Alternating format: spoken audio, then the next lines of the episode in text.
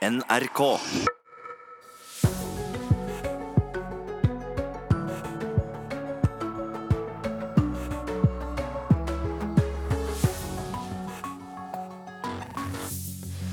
En ny dag er på gang med mye dramatikk i nyhetsbildet, så Nyhetsmorgen bringer deg følgende saker i dag.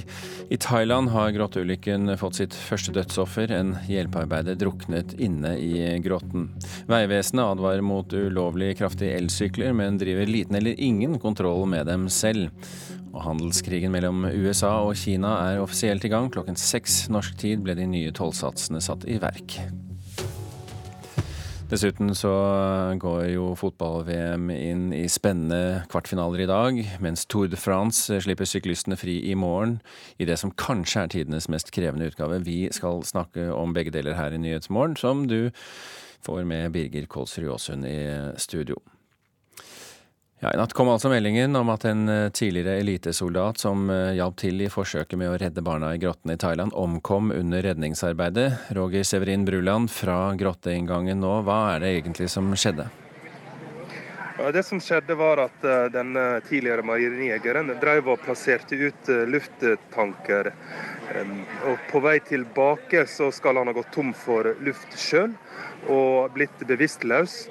Eh, dykkerkameraten hans hadde prøvd å gjenopplive han, men, eh, men, livet sto altså ikke til å redde. Og eh, Levningene hans har nå blitt frakta ut og flydd til til Bangkok, der han vil da få en æresgarde blant disse her Thai Navy Sealene. Mm. Men kommandanten for Navy Seal sier at moralen fremdeles er høy, og at dette her er noe en må regne med kan skje i en så krevende redningsoperasjon.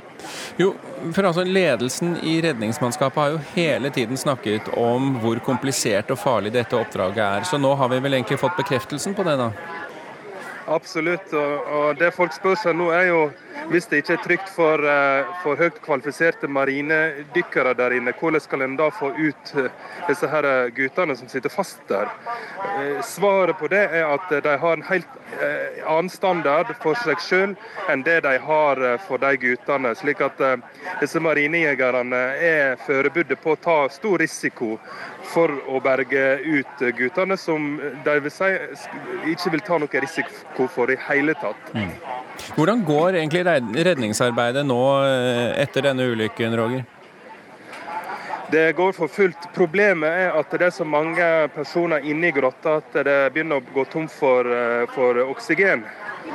Og, og, og det, det, er en stor utfordring. Det, det, og det er jo derfor også det, det hasta så veldig med å få inn eh, disse her luftflaskene for å fylle på den lufta som de mange redningsarbeiderne bruker. Og det, det, er en utfordring, men eh, det som har blitt sagt er at dette her skal vi få til, og det er ikke noe problem. Jeg ble jo fortalt i går at det har jo blitt frakta inn over 600 eh, luft, lufttanker med komprimert luft.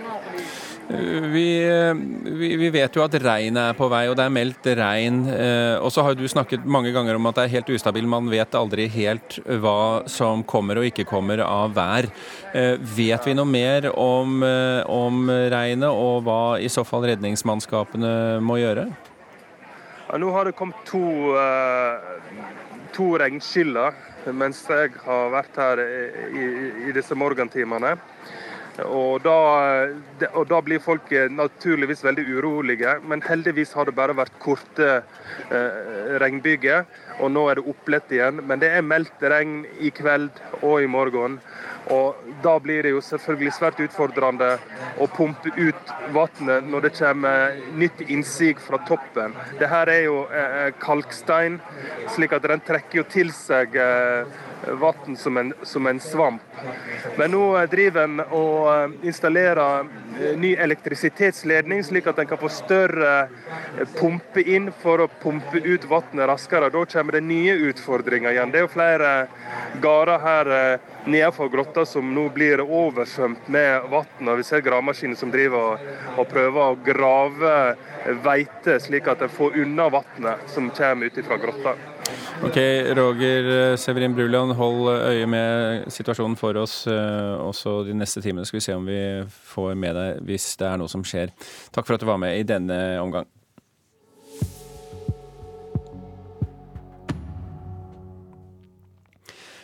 Å trimme mopeden er jo ikke noe ukjent fenomen blant eh, kjekk norsk ungdom, men det Statens vegvesen nå advarer mot, det er folk med ulovlig kraftig motoriserte elsykler. Sjefingeniør Tormod Skau i kjøretøyavdelingen i Vegdirektoratet sier ulovlig kraftig elmotor på en sykkel kan være direkte farlig. Veldig fort gjort at de brukes der som folk går, unger leker. Og da kan det fort bli farlig, for de kommer overraskende fort. Elsyklene er populære, og det blir stadig flere av dem. Det merker også Erling Jensen, som driver Fagerborg sykkelverksted i Oslo. Det kom jo flere sykler innom eh, nå enn det gjorde for et år siden.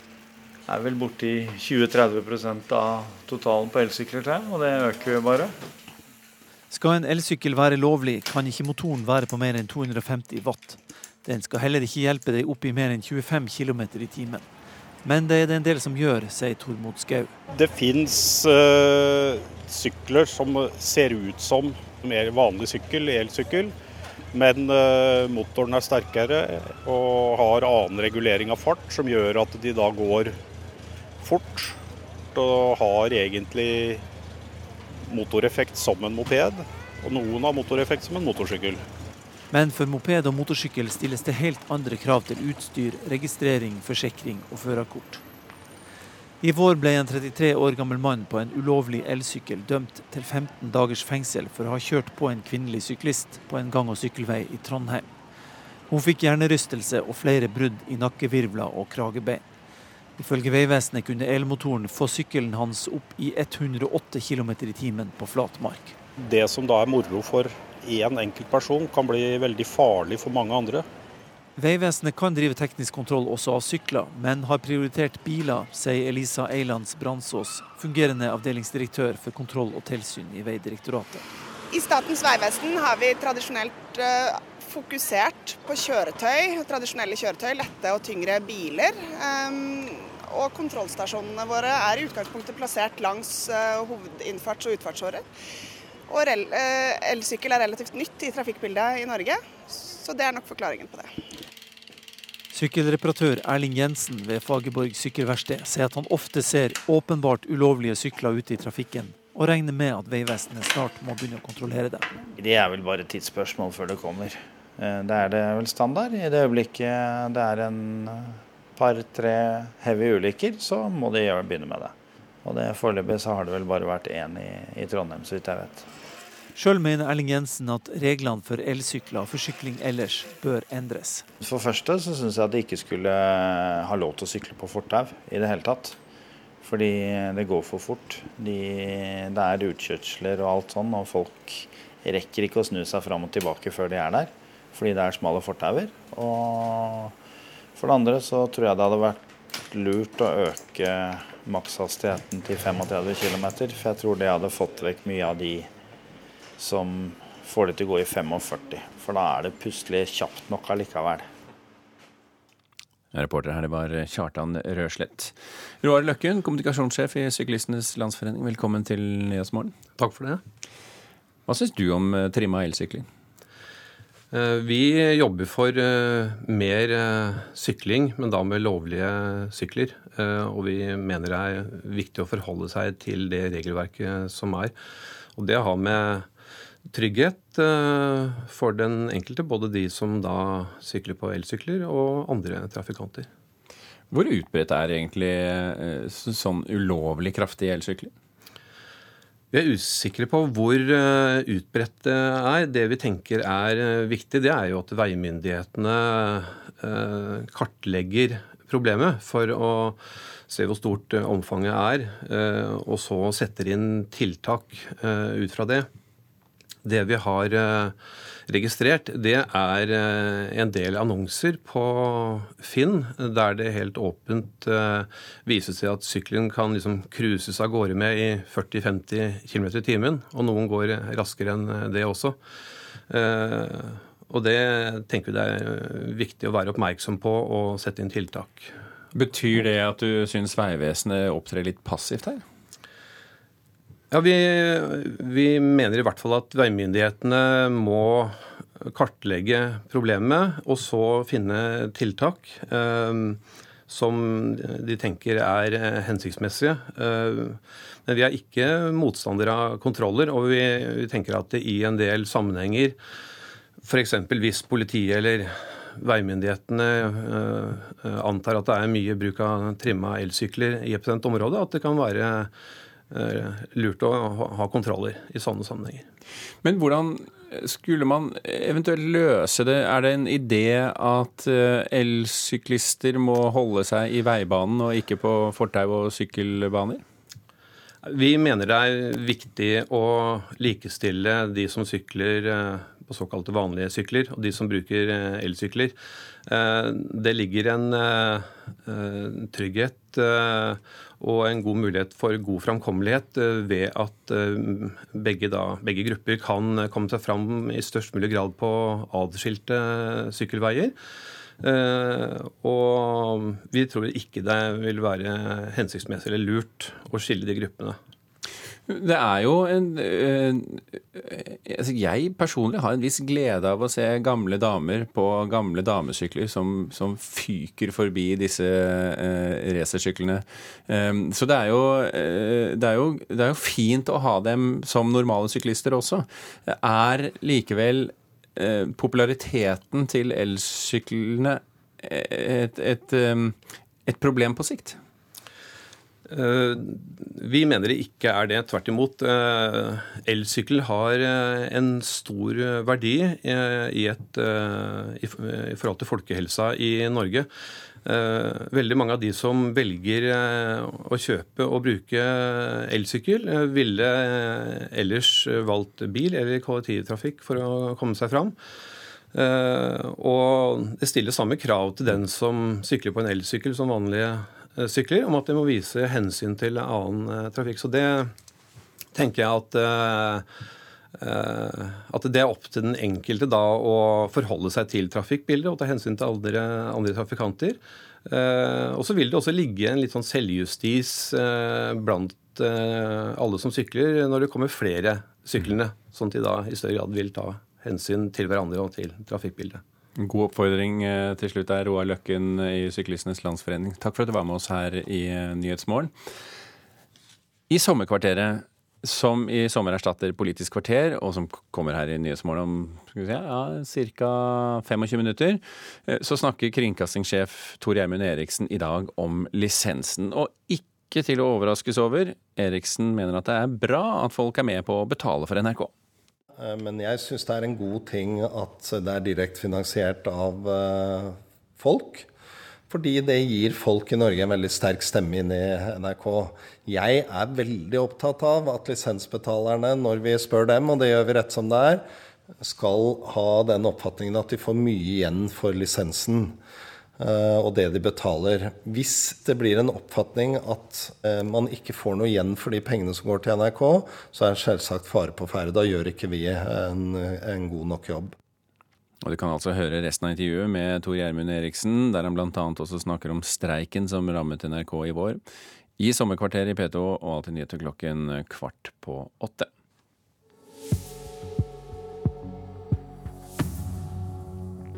Nå er klokken drøyt kvart over sju. Du hører altså på Nyhetsmorgen, og toppsakene våre i dag er at handelskrigen mellom USA og Kino og Kina offisielt er i gang. Klokken seks norsk tid, altså midnatt i USA, så ble de nye tollsatsene satt i verk i USA. Og nå venter vi på at Kina svarer, men de gjør det mest sannsynlig ikke før det er dag morgen i eh, Kina. I Thailand har grotteulykken fått eh, første, sitt første dødsoffer. En hjelpearbeider druknet inne i grotten. Og Vegvesenet advarer altså mot ulovlig kraftige elsykler, men driver liten eller ingen kontroll med dem selv. Ja, Denne uken har vi også vært innom eh, opptil flere ganger eh, Almedalsvekkan, politiske samlingsstedet på Gotland, eh, og nå venter mange spent på Sverigedemokratenes leder Jimmy Åkessons tale i morgen. Politikkommentator her i NRK, Magnus Takvam fra Visby nå. Kan du, vi skal snakke om Jimmy Åkesson snart, men kan du si noe om talen til Stefan Löfven i går, altså Sosialdemokratenes leder? Ja, det kan jeg. De aller fleste, også hans politiske motstandere, definerte det som en veldig god tale, faktisk. Og enkelte sa det var hans beste tale noen gang. Det var et veldig kraftig oppgjør med ekstremismen, der hans budskap var at den skal bekjempes med velferd. Og han hadde et sosialt patos som lå under, der anekdoten om hans egen oppvekst, hans mamma måtte jobbe overtid for at familien skulle få råd til bokhylle, og eh, sønnen skulle få lese bøker. Så fattige folk skulle også få eh, kunnskap og delta i samfunnet. Så talen ble veldig godt mottatt. En annen ting er jo at det så spørs det om det hjelper når det gjelder oppslutningen om, om sosialdemokratene blant velgerne. Noen som har stor oppslutning for tiden, og økende, det er jo Sverigedemokraterna. Eh, hva er hovedgrunnen til at de står så sterkt? Det er selvfølgelig tema innvandring, som dette partiet har snakket om i alle år, og uh, som de andre større partiene først har kommet etter med uh, da uh, flyktningkrisen oppsto. Derfor så, så, har de åpenbart troverdighet blant, i en befolkning der det lenge var en sterk innvandringsskepsis, i hvert fall sterkere enn det partiene reflekterte, så fikk de selvfølgelig stemme på det. Men i tillegg så har partiet etter hvert greid også å få sakseierskap, som det heter. Altså tillit eh, i en bredere skala. Det er, eh, eh, kartlegginger som viser at på de ti viktigste saksområdene så er Sverigedemokraterna blant topp tre blant partiene på, på, på, sju viktige områder. Slik at eh, det betyr at partiet har lykkes også i å bli bredere. Eh, eldreomsorg osv. Eh, nå er det jo slik at uh, Sverigedemokraterna kommer inn og skaper en viss sånn uro i etablerte politiske fløyer i, i Sverige. Hvilken betydning har de for samholdet på den borgerlige siden? Det, de skap, deres uh, enorme vekst skaper en, uh, en, en, veldig stor spenning internt i denne firepartialliansen som man kaller den borgerlige alliansen, og som har ambisjoner om å, å vinne valget til høsten. der Senterpartiet og liberalerne er mer liberale i innvandringspolitikken enn høyrepartiet Moderatene og det lille kristendemokratiske partiet. Så på dette kjerneområdet så splittes alliansen. Og da kan Sverigedemokraterna på en måte eh, skape uro internt blant dem om hvordan de skal forholde seg til Sverigedemokraterna. Vi skal huske på at det var jo tidligere moderatleder Anna Kindberg Batra måtte jo gå av som moderatleder fordi hun startet denne forsiktige åpningen mot å gi Sverigedemokraterna en viss innflytelse i fjor. Ok, Vi setter strek der. Eh, Magnus Takvam. takk for at du var med oss eh, fra Visby. Så får vi eh, rapportere videre når Åkesson holder sin tale. Vi skal se litt på det som skjedde mens du sov i natt.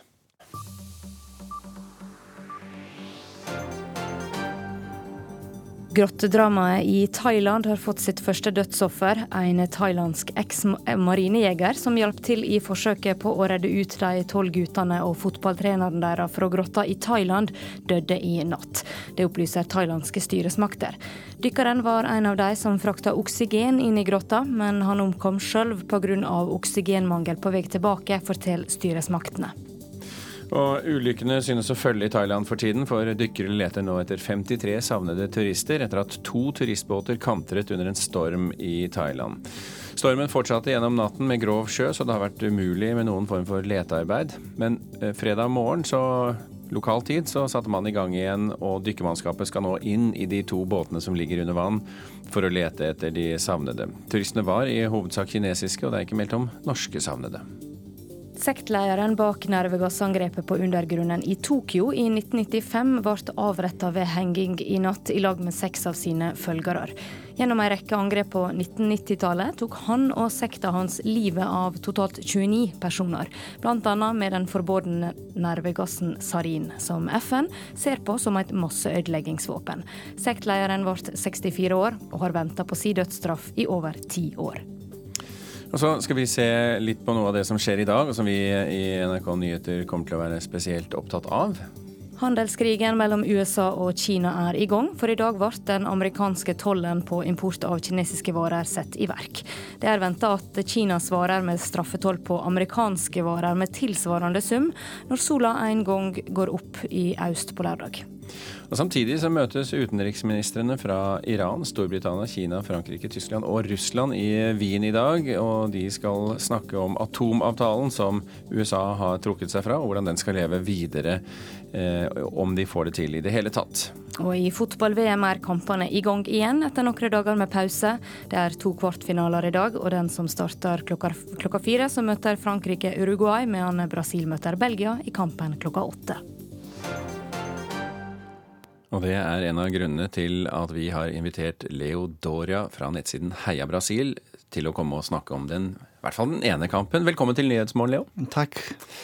Brasil har jo en lang og stolt fotballtradisjon. Det er veldig mange nordmenn som heier på Brasil og elsker måten de spiller fotball på. Hva slags lag stiller de egentlig med i år? Nei, vi stiller med et sterkt lag. Eh, jeg kan ikke si at det hadde den beste generasjonen fotballspillere fra Brasil, men vi har veldig mange store stjerner som eh, gjør det fantastisk på klubbnivå i Europa, og noen i Brasil fortsatt. Men de trenger den tittelen nå. De trenger å gjøre opp igjen for det som skjedde i 2014, og de, de vil klare det. 1-7-kampen mot Tyskland. Preger den laget fremdeles? Det gjør det. det gjør det. For de fleste av de spillene, eller Mange av de spillene som, som er på laget nå, de var der. De var i Brasil som uh, spillere, andre var der som, uh, som tilskuere, og så så på det. De har ikke lyst til å bli husket for å være den generasjonen som tapte VM hjemme for, ja, på den måten mot Tyskland. De vil vinne VM nå for å gjøre det, opp, eh, gjøre det godt igjen. Mm, så det er en sterk motivasjonsfaktor? Det er en sterk for, motivasjon, ja. men samtidig det er stor press på de spillene også. Mm. Det er flere som har sagt at de press, det presset som disse spillene er under, det er nesten umenneskelig. Og hvis man tenker på at det er 200 millioner eh, innbyggere i Brasil, bare i Brasil, hvis ikke vi teller med alle andre som heier på Brasil verden rundt, så er det, det i seg selv stor nok eh, ja, byrde på en måte som de, som de bærer. Og en av dem som bærer eh, den største delen av den byrden, på sett og vis, det er jo Neymar. Hvor avhengig er laget av akkurat den spilleren? Uh, mindre avhengig enn det de var i 2014. Fortsatt, uh, fortsatt mye avhengig, men Neymar har vært ute nå med skade før VM.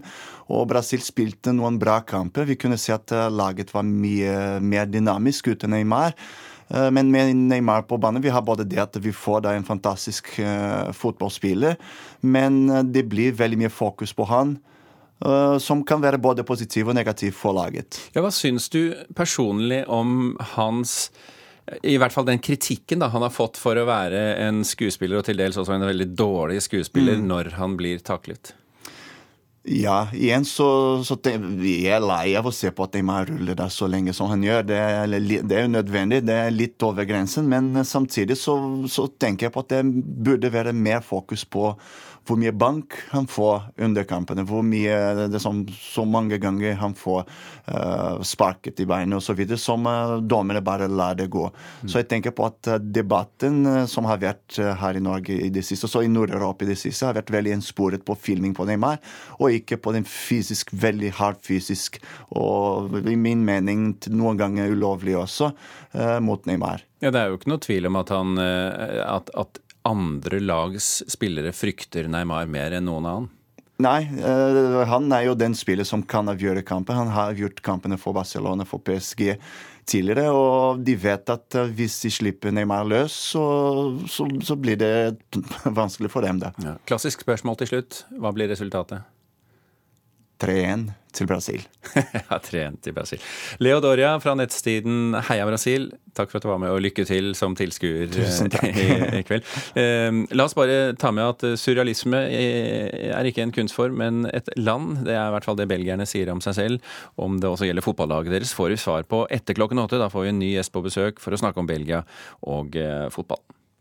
Men vi skal snakke om eh, Tour de France nå, eh, fordi at eh, i morgen så tråkkes jo dette lange løpet i gang igjen. Og det som av mange beskrives som en av de tøffeste utgavene noensinne.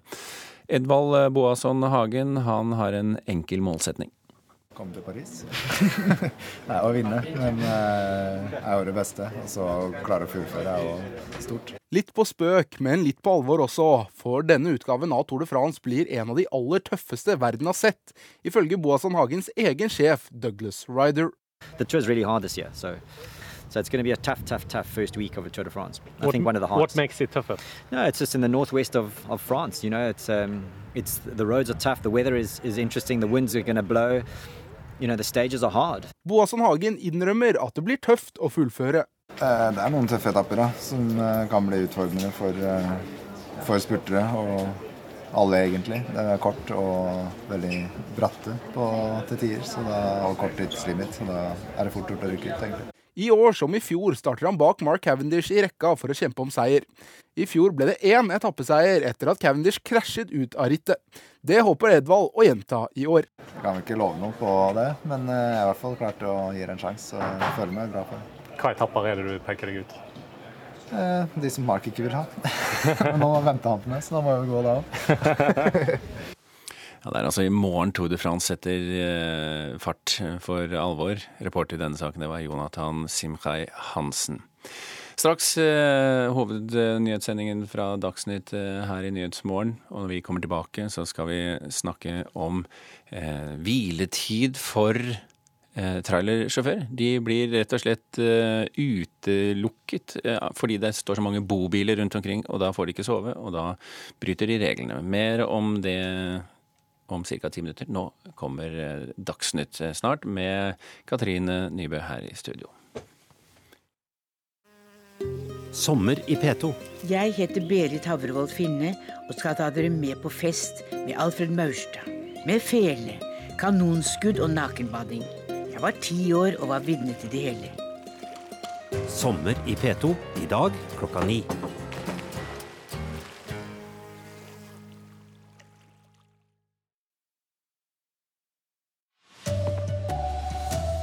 Redningsaksjonen i Thailand har fått en dramatisk vending. En redningsarbeider omkom i natt, og det har begynt å regne. Handelskrigen mellom USA og Kina er i gang. Tollen på import av kinesiske varer er nå satt i verk. Og Vegvesenet advarer mot ulovlig kraftige elsykler, men driver liten eller ingen kontroll med å stanse dem sjølve. Her er NRK Dagsnytt klokka er 7.30. En redningsarbeider som hjalp til i forsøket på å redde barna i grotta i Thailand, omkom under redningsarbeidet i natt. I tillegg har det kommet regn nå i morgentimene. Reporter Roger Severin Bruland, du er like ved grotteinngangen. Hvordan går redningsarbeidet akkurat nå? Det er en eh, evig kamp mot naturkreftene, dette her. Nå eh, har det vært to regnskyller i dag tidlig, men heldigvis har det slutta å regne igjen og sola titter fram. Nå har det kommet eh, nye pumper på plass som disse her marinesoldatene driver og bærer inn i grotta. En installerer mer strømkabler, slik at en kan få inn større pumper og få ut større volum med vann. For det er meldt regn i kveld, og det haster med å få ut de som sitter fanga inne i grotta. Ja, En redningsarbeider omkom i natt. Hva var det som skjedde? Det var en uh, tidligere marinedykker som uh, drev og plasserte ut lufttanker inne i grotta. oksygennivået har gått ned fra 21% til 15% fordi det er så mange som jobber der inne i mange døgn. Og det haster med å få inn mer oksygen rett og slett inn i grotta for hjelpearbeiderne, og også til de som sitter helt innerst der og venter på å bli redda. Helt kort til slutt, Hvordan er stemninga i området der nå? Den er jo litt mer dyster enn den var i går. Da var det masse optimisme. I dag er det litt mer vent og se. Men heldigvis så begynner sola å titte fram igjen, og det er det viktigste. For det her er kamp mot uh, klokka og naturkreftene. Takk skal du ha, reporter Roger Severin Bruland i Thailand. Heim igjen nå. Statens vegvesen advarer folk mot ulovlig kraftige elsykler. Men selv om de har myndighet til det, så prioriterer ikke Vegvesenet å kontrollere elsykler. Sjefingeniør Tormod Skau i kjøretøyavdelinga i Vegdirektoratet sier at en ulovlig kraftig elmotor på en sykkel kan være direkte livsfarlig. veldig fort gjort at de brukes der som folk går, unger leker. Og da kan det fort bli farlig, for de kommer overraskende fort. Elsyklene er populære, og det blir stadig flere av dem. Det merker også Erling Jensen, som driver Fagerborg sykkelverksted i Oslo. Det er vel borti 20-30 av totalen på elsykler, og det øker jo bare. Skal en elsykkel være lovlig, kan ikke motoren være på mer enn 250 watt. Den skal heller ikke hjelpe deg opp i mer enn 25 km i timen. Men det er det en del som gjør, sier Tormod Skau. Det finnes sykler som ser ut som mer vanlig sykkel, elsykkel, men har egentlig motoreffekt som en moped. Og noen har motoreffekt som en motorsykkel. Men for moped og motorsykkel stilles det helt andre krav til utstyr, registrering, forsikring og førerkort. I vår ble en 33 år gammel mann på en ulovlig elsykkel dømt til 15 dagers fengsel for å ha kjørt på en kvinnelig syklist på en gang- og sykkelvei i Trondheim. Hun fikk hjernerystelse og flere brudd i nakkevirvler og kragebein. Ifølge Vegvesenet kunne elmotoren få sykkelen hans opp i 108 km i timen på flat mark. Det som da er moro for én enkelt person, kan bli veldig farlig for mange andre. Vegvesenet kan drive teknisk kontroll også av sykler, men har prioritert biler, sier Elisa Eilands Bransås, fungerende avdelingsdirektør for kontroll og tilsyn i Vegdirektoratet. Elsykkel er relativt nytt i trafikkbildet i Norge, så det er nok forklaringen på det. Reporter i denne saka her var Kjartan Rørslett. Handelskrigen mellom USA og Kina er i gang, for i dag så ble den amerikanske tollen på import av kinesiske varer satt i verk. Korrespondent Tove Bjørgaas sier at Kina vil innføre sine tiltak fra i morgen tidlig. Det er det amerikanske aviser i hvert fall skriver eh, i dag eller i natt, at nå begynner handelskrigen for alvor. Eh, USA har altså innført tollsatser på 34 milliarder dollar eh, verdt av kinesiske produkter. Noe Trump har truet med, men som jeg tror også mange her hadde trodd at han kanskje ikke ville gjøre alvor av. Fordi han kanskje hadde håpet at han ville skremme med Kina eh, med dette. Men Kina de har jo laget sin egen liste, og vil da innføre sine tiltak fra eh, i morgen tidlig. Ja, og denne handelskrigen den eh, kan også oljeprisen og norsk økonomi bli skadelidende av. Det sier statsminister Erna Solberg. Det kan bli merkbart, også for de som til nå har opplevd en stor etterspørsel etter en litt spesiell variant av president Trump. Vi har jo populære kostymer med Donald Trump som går og bærer på et menneske. Det morsomste er når vi skal ut dokkene våre som en meksikaner, så kan han bære rundt på det. Ellers har vi Trump-maske. Veldig populært. Sier Jan Kingel, daglig leder i festmagasinet Standard. Og jeg vil tro at Trump er en populær figur til halloween. Han er jo ganske skummel i seg selv. Men den amerikanske presidenten gir ikke bare mersalg. Donald Trumps stadig eskalerende globale handelskrig truer også Norges eldste morobutikk, som importerer 70% av varene fra Kina. USA og nettopp Kina innfører i dag gjensidig straffetoll på produkter verdt over 800 milliarder kroner. Det er klart at det kan fordyre produktene for forbrukeren, men et eller annet sted må det hentes. Også landets statsminister er urolig. Men ennå vil ikke Erna Solberg bruke ordet handelskrig om de nye tollmurene som reiser seg i verden. Eh, hvis verdenshandelen eh, går ned, så betyr jo det mindre etterspørsel i markedene. Det betyr at det er eksportorienterte jobber som, det, som vil oppleve at det er mindre etterspørsel etter varene også i Norge. Hvor sterkt de direkte konsekvensene av dette kommer jo til å være litt avhengig av hvordan og hvilke varer det legges toll på, og hvor mye det betyr noe for norsk økonomi direkte. Men en nedgang f.eks. i verdenshandel og verdensproduksjon av varer pga. det, vil jo bl.a. bety lavere oljepris og mindre inntekter, altså mindre etterspørsel etter olje.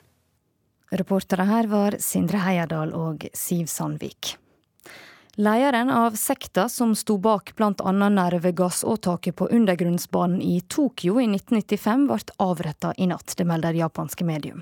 Shoko Arashara var grunnlegger av den religiøse sekta som for 23 år siden sprøyta inn saringass inn i T-banevogner i hovedstaden.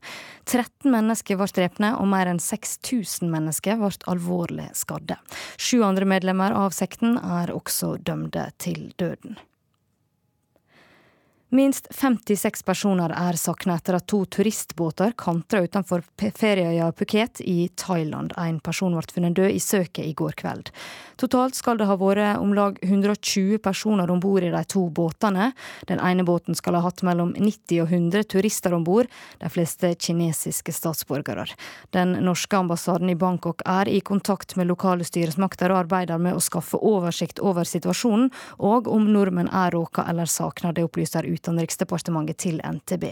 Søket etter de savna er akkurat nå foreløpig innstilt av storm.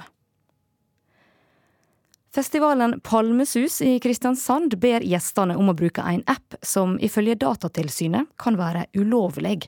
Tilsynet mener at appen ikke gir brukerne nok informasjon, bl.a. om hvorfor appen sporer dem. Rent juridisk så er dette dypt problematisk. Ehm, jeg tror det er vanskelig å forsvare at dette er innenfor regelverket. Dette sier juridisk rådgiver i Datatilsynet, Tobias Judin.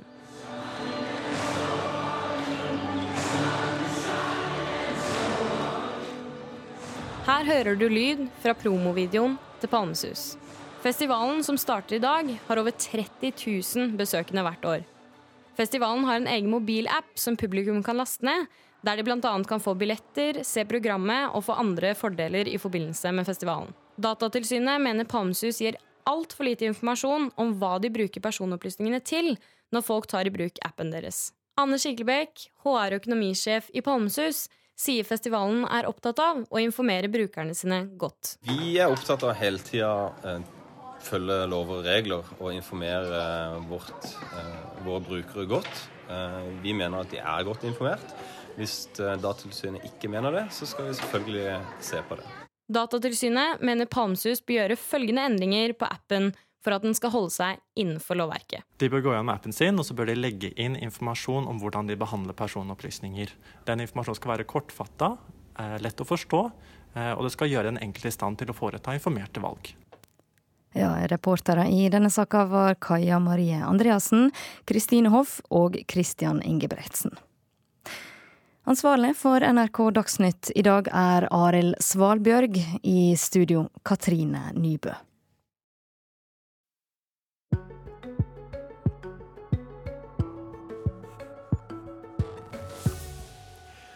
Nyhetsmorgen raser videre nå med historien om lastebilsjåfører som kjører langtransport. De mener de ofte må bryte hviletiden fordi rasteplassen om sommeren fylles opp av bobiler og andre forlatte parkerte vogntog. Den situasjonen er ikke holdbar i lengden, sier langtransportsjåfør eh, Jon Terje Norskog. Ja, altså, I utgangspunktet så har vi altfor lite døgnhvileplasser sånn som det er, så det er nå greit nok. Men når de få vi har blir okkupert av folk som ikke skal være der, så og det er ikke plass til oss, da kommer vi i den situasjonen at vi kanskje er nødt til å bryte kjøre- og hviletidene. Og det liker vi ikke, og det kan òg bli fryktelig dyrt for, eh, for de sjåførene som, som det gjelder. Vestnorsk transportarbeiderforening får ofte henvendelser fra sjåfører som frykter at de bryter hviletidene. Leder Borgny Hauge Skogen tar dette alvorlig. Det er klart det er et stort problem altså når de må bryte og ikke få plasser til å stoppe på kjøre- og hviletidene. Men det er jo sånn at rasteplassene det er jo beregnet både på turister og alt. Om sommeren så øker det problemet. Og det er jo ikke noe lov som sier at det er forbudt for dem heller å stoppe. da. Hva bør gjøres da, mener du? Det bør komme mer trøkkstopper rundt omkring i landet. For førere av tunge kjøretøy er pålagt å ta pauser. Regelverket er likt i alle EØS-land. Etter 4,5 timers kjøring skal de ha en hvil på 45 minutter. Dessuten skal de ha døgnhvile på 11 sammenhengende timer, og maks kjøretid per uke er 56 timer. Dette er det ikke alltid de får til om sommeren. Blir de kontrollert, risikerer de bøter. Og Da er det tusenvis av kroner eh, det gjelder. Statens vegvesen er klar over det økende problemet og innrømmer at det er for få rasteplasser for vogntog langs norske veier. Dette jobbes det kontinuerlig med, sier seksjonsleder Eivind Stangeland. Vi er nok i mål med alle plassene som vi burde hatt for uh, transportkjøretøy som trenger kjøre- og hviletid. Alle plassene vi har rasteplasser og, uh, og stopplasser for kjøre- og hviletid, det er ikke campingplasser. Det er, det er plasser som folk kan stoppe, gjerne overnatte, gjerne ha ta hvilen sin. Det ligger der hver ett døgn, men, men ikke noe mer enn det. Nå etterlyser sjåførene flere kontroller, særlig nå om sommeren. Her må Vegvesenet på banen, tenker jeg, for å kontrollere disse plassene. Sørge for at de som eh, ikke skal være på de plassene, blir eh, avvist derifra. Eh, og sørge for at disse plassene er ledige til oss som, som faktisk plassene er bygde for. Men nå etterlyser de at dere kunne hatt flere kontroller langs veiene. Er det noe dere har tenkt på? Ja, altså, vi legger til rette for parkeringsplasser eller, eller rasteplasser. og, og, og og serviceplasser for, for reisende, men vi, har, vi, har, ikke noe kontrollvirksomhet på hvem og hvor lenge folk står på disse plassene. her. Reporter i eh, denne saken, det var uh, Rosa Irén Villalovos. Hvert tiende barn i Norge lever i dag i en familie som faller inn under kategorien familie med vedvarende lavinntekt, og det er dette som jo da er betegnelsen på barnefattigdom. I dag publiserer Barne-, ungdoms- og familiedirektoratet de kommunale tallene som viser utbredelsen av barnefattigdom i kommunene i Norge. De nye tallene viser at barnefattigdommen økte i over halvparten av landets kommuner i 2016. Du har jo lyst til å kunne reise på turer eller finne på ting, og som regel så koster jo ting i dag. Så det blir jo vanskelig å gi ungene det du føler du har lyst til å gi dem, men du har jo egentlig ikke råd til det. Oddgeir Valaker er på leir sammen med sine fem barn og ekskone. De deltar på Ferie for alle, et tilbud for Røde Kors til familier i en vanskelig økonomisk situasjon. Valaker er ikke alene. I dag publiserer Barne-, ungdoms- og familiedirektoratet sin årlige kommunestatistikk over barnefattigdom. I over halvparten av kommunene i Norge øker tallet på barn som lever i familier med vedvarende låg inntekt. Eh, det har vært en økning i andelen barn med vedvarende lavinntekt i underkant av 250 kommuner. Eh, og en nedgang i omtrent 140 kommuner.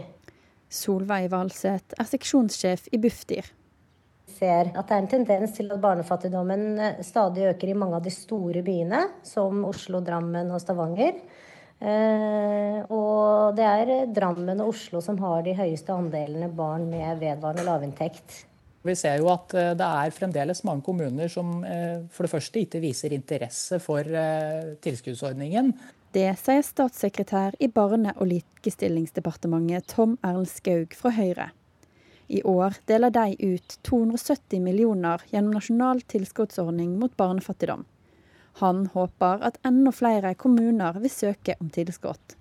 Det burde flere kommuner gjøre. Det er veldig mange kommuner som gjør veldig mye bra eh, i arbeidet mot fattigdom. Men jeg tror at eh, enda flere kommuner også kan sette det temaet enda høyere på agendaen. Reporter her det var Kaja Johnsen Viki.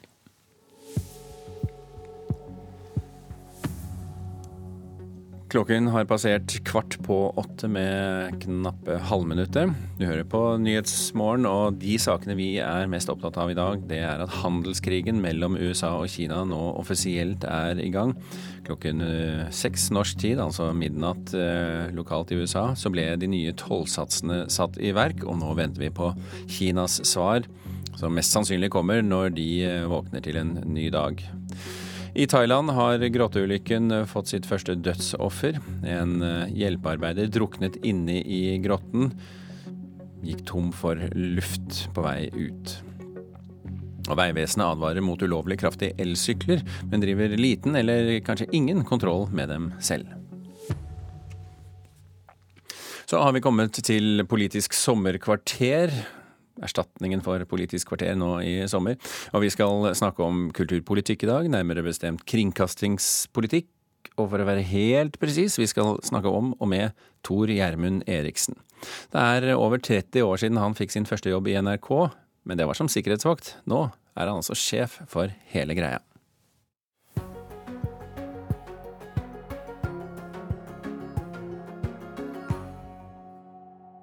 Hvor lang ferie tar du? Jeg tar tre og en halv uke. Hvor ofte kommer du til å sjekke jobbmailen din? Den sjekker jeg nok, eh, dessverre kanskje, flere ganger om dagen. På seiltur blir det litt sjeldnere, eh, så jeg prøver å holde meg unna, men den blir nok sjekka i hvert fall hver dag. Er det greit å gå med shorts på jobben? Ja. Jeg skjønner ikke engasjementet. Folk får gå i den shortsen de vil.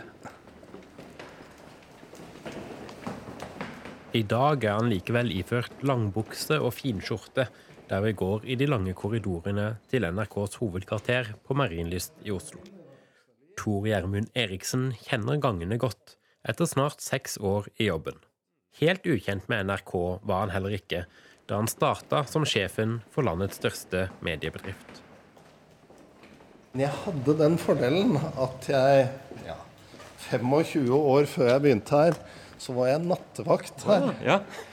Og da hadde jeg nøkkelknippe og skulle gå rundt og sjekke at dører var låst, og at ikke kaffedraktere sto på og sånn. Og det hadde jeg gjort, så huset kjente jeg egentlig Det satt igjen litt kunnskap om huset. Uh, selv om jeg aldri egentlig har jobba her uh, i mellomtiden. Så jeg fant, fant meg raskere til, til, rette enn jeg kanskje ellers ville ha gjort. Slo tanken deg som, uh, som sikkerhetsvakt her at du en gang skulle bli sjef for hele bygget? Nei, overhodet ikke.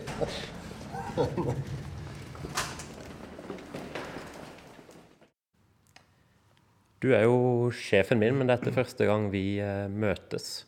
Hvordan klarer du egentlig som kringkastingssjef å holde oversikt over alt som foregår her på Marienlyst og ellers i NRK? Det klarer man jo ikke. Og så er jeg ikke sikker på om man skal det heller.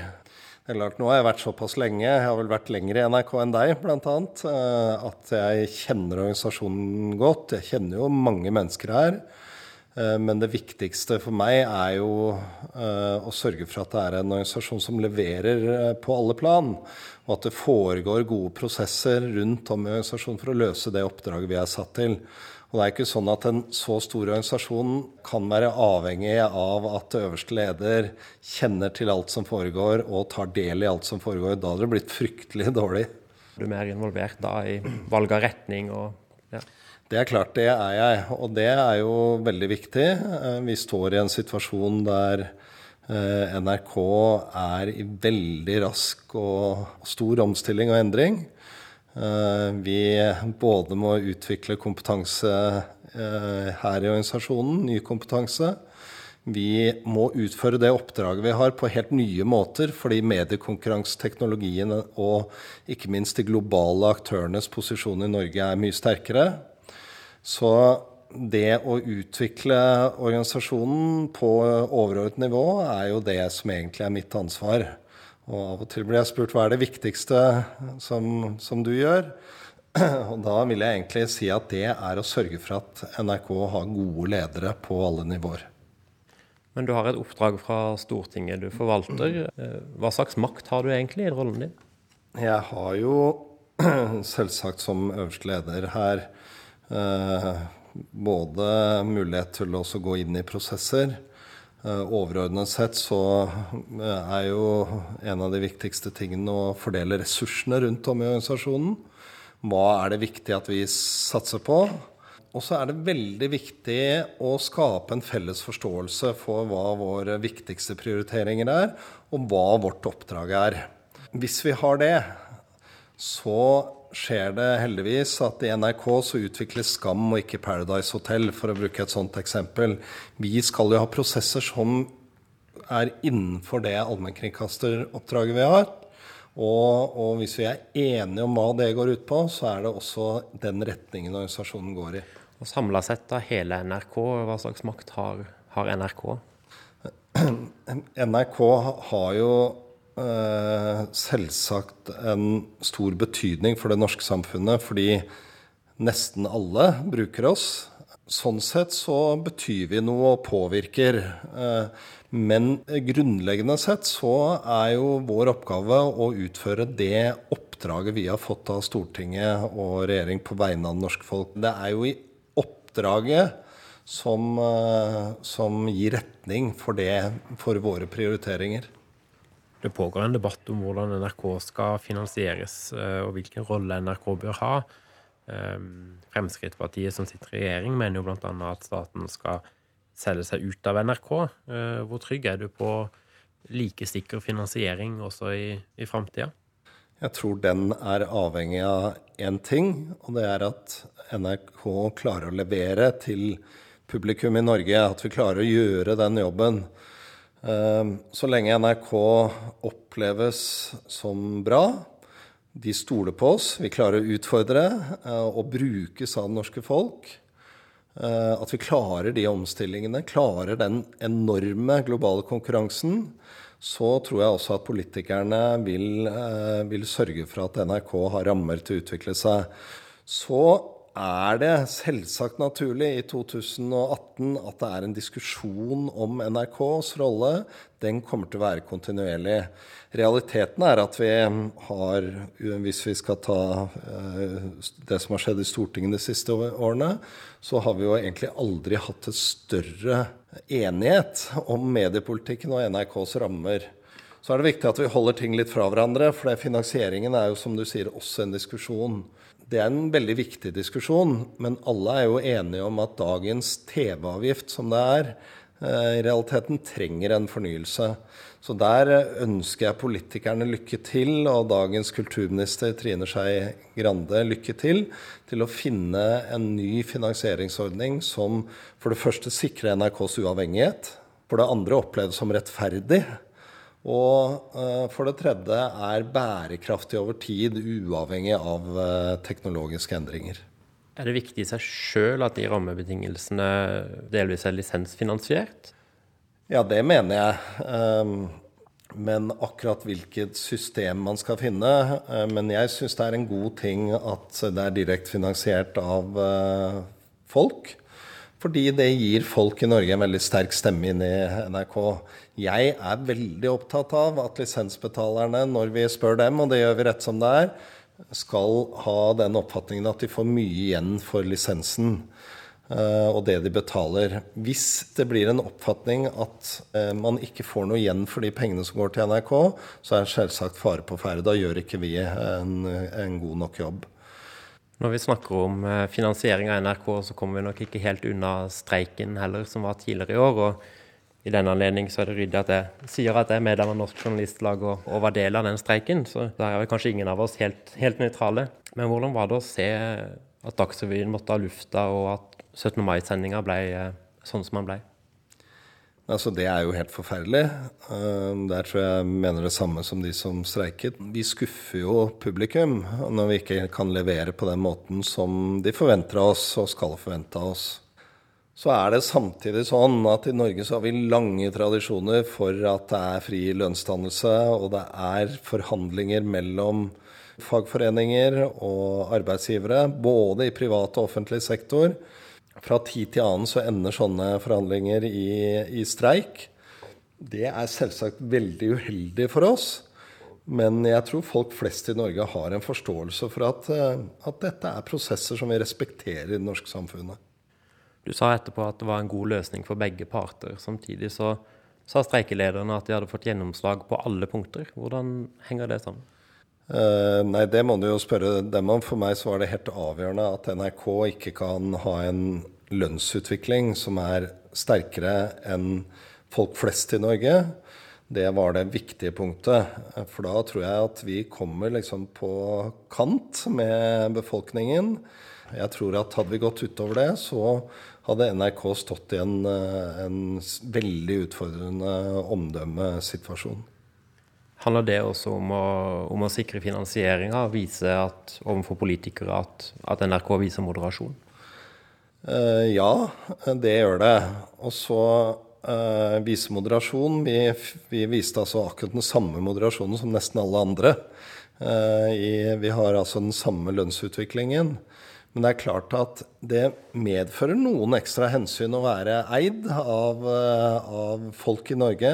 Det er noen flere hensyn vi må ta når alle i Norge er med å finansiere det vi leverer, og arbeidsplassene våre det gjør at vi må være liksom på øyehøyde, og vi må skjønne hva som skjer rundt oss, og vi må ha en veldig god relasjon til omverdenen. Men bare ei uke før streiken så fikk jo du forlenga ditt åremål med seks nye år. Ja.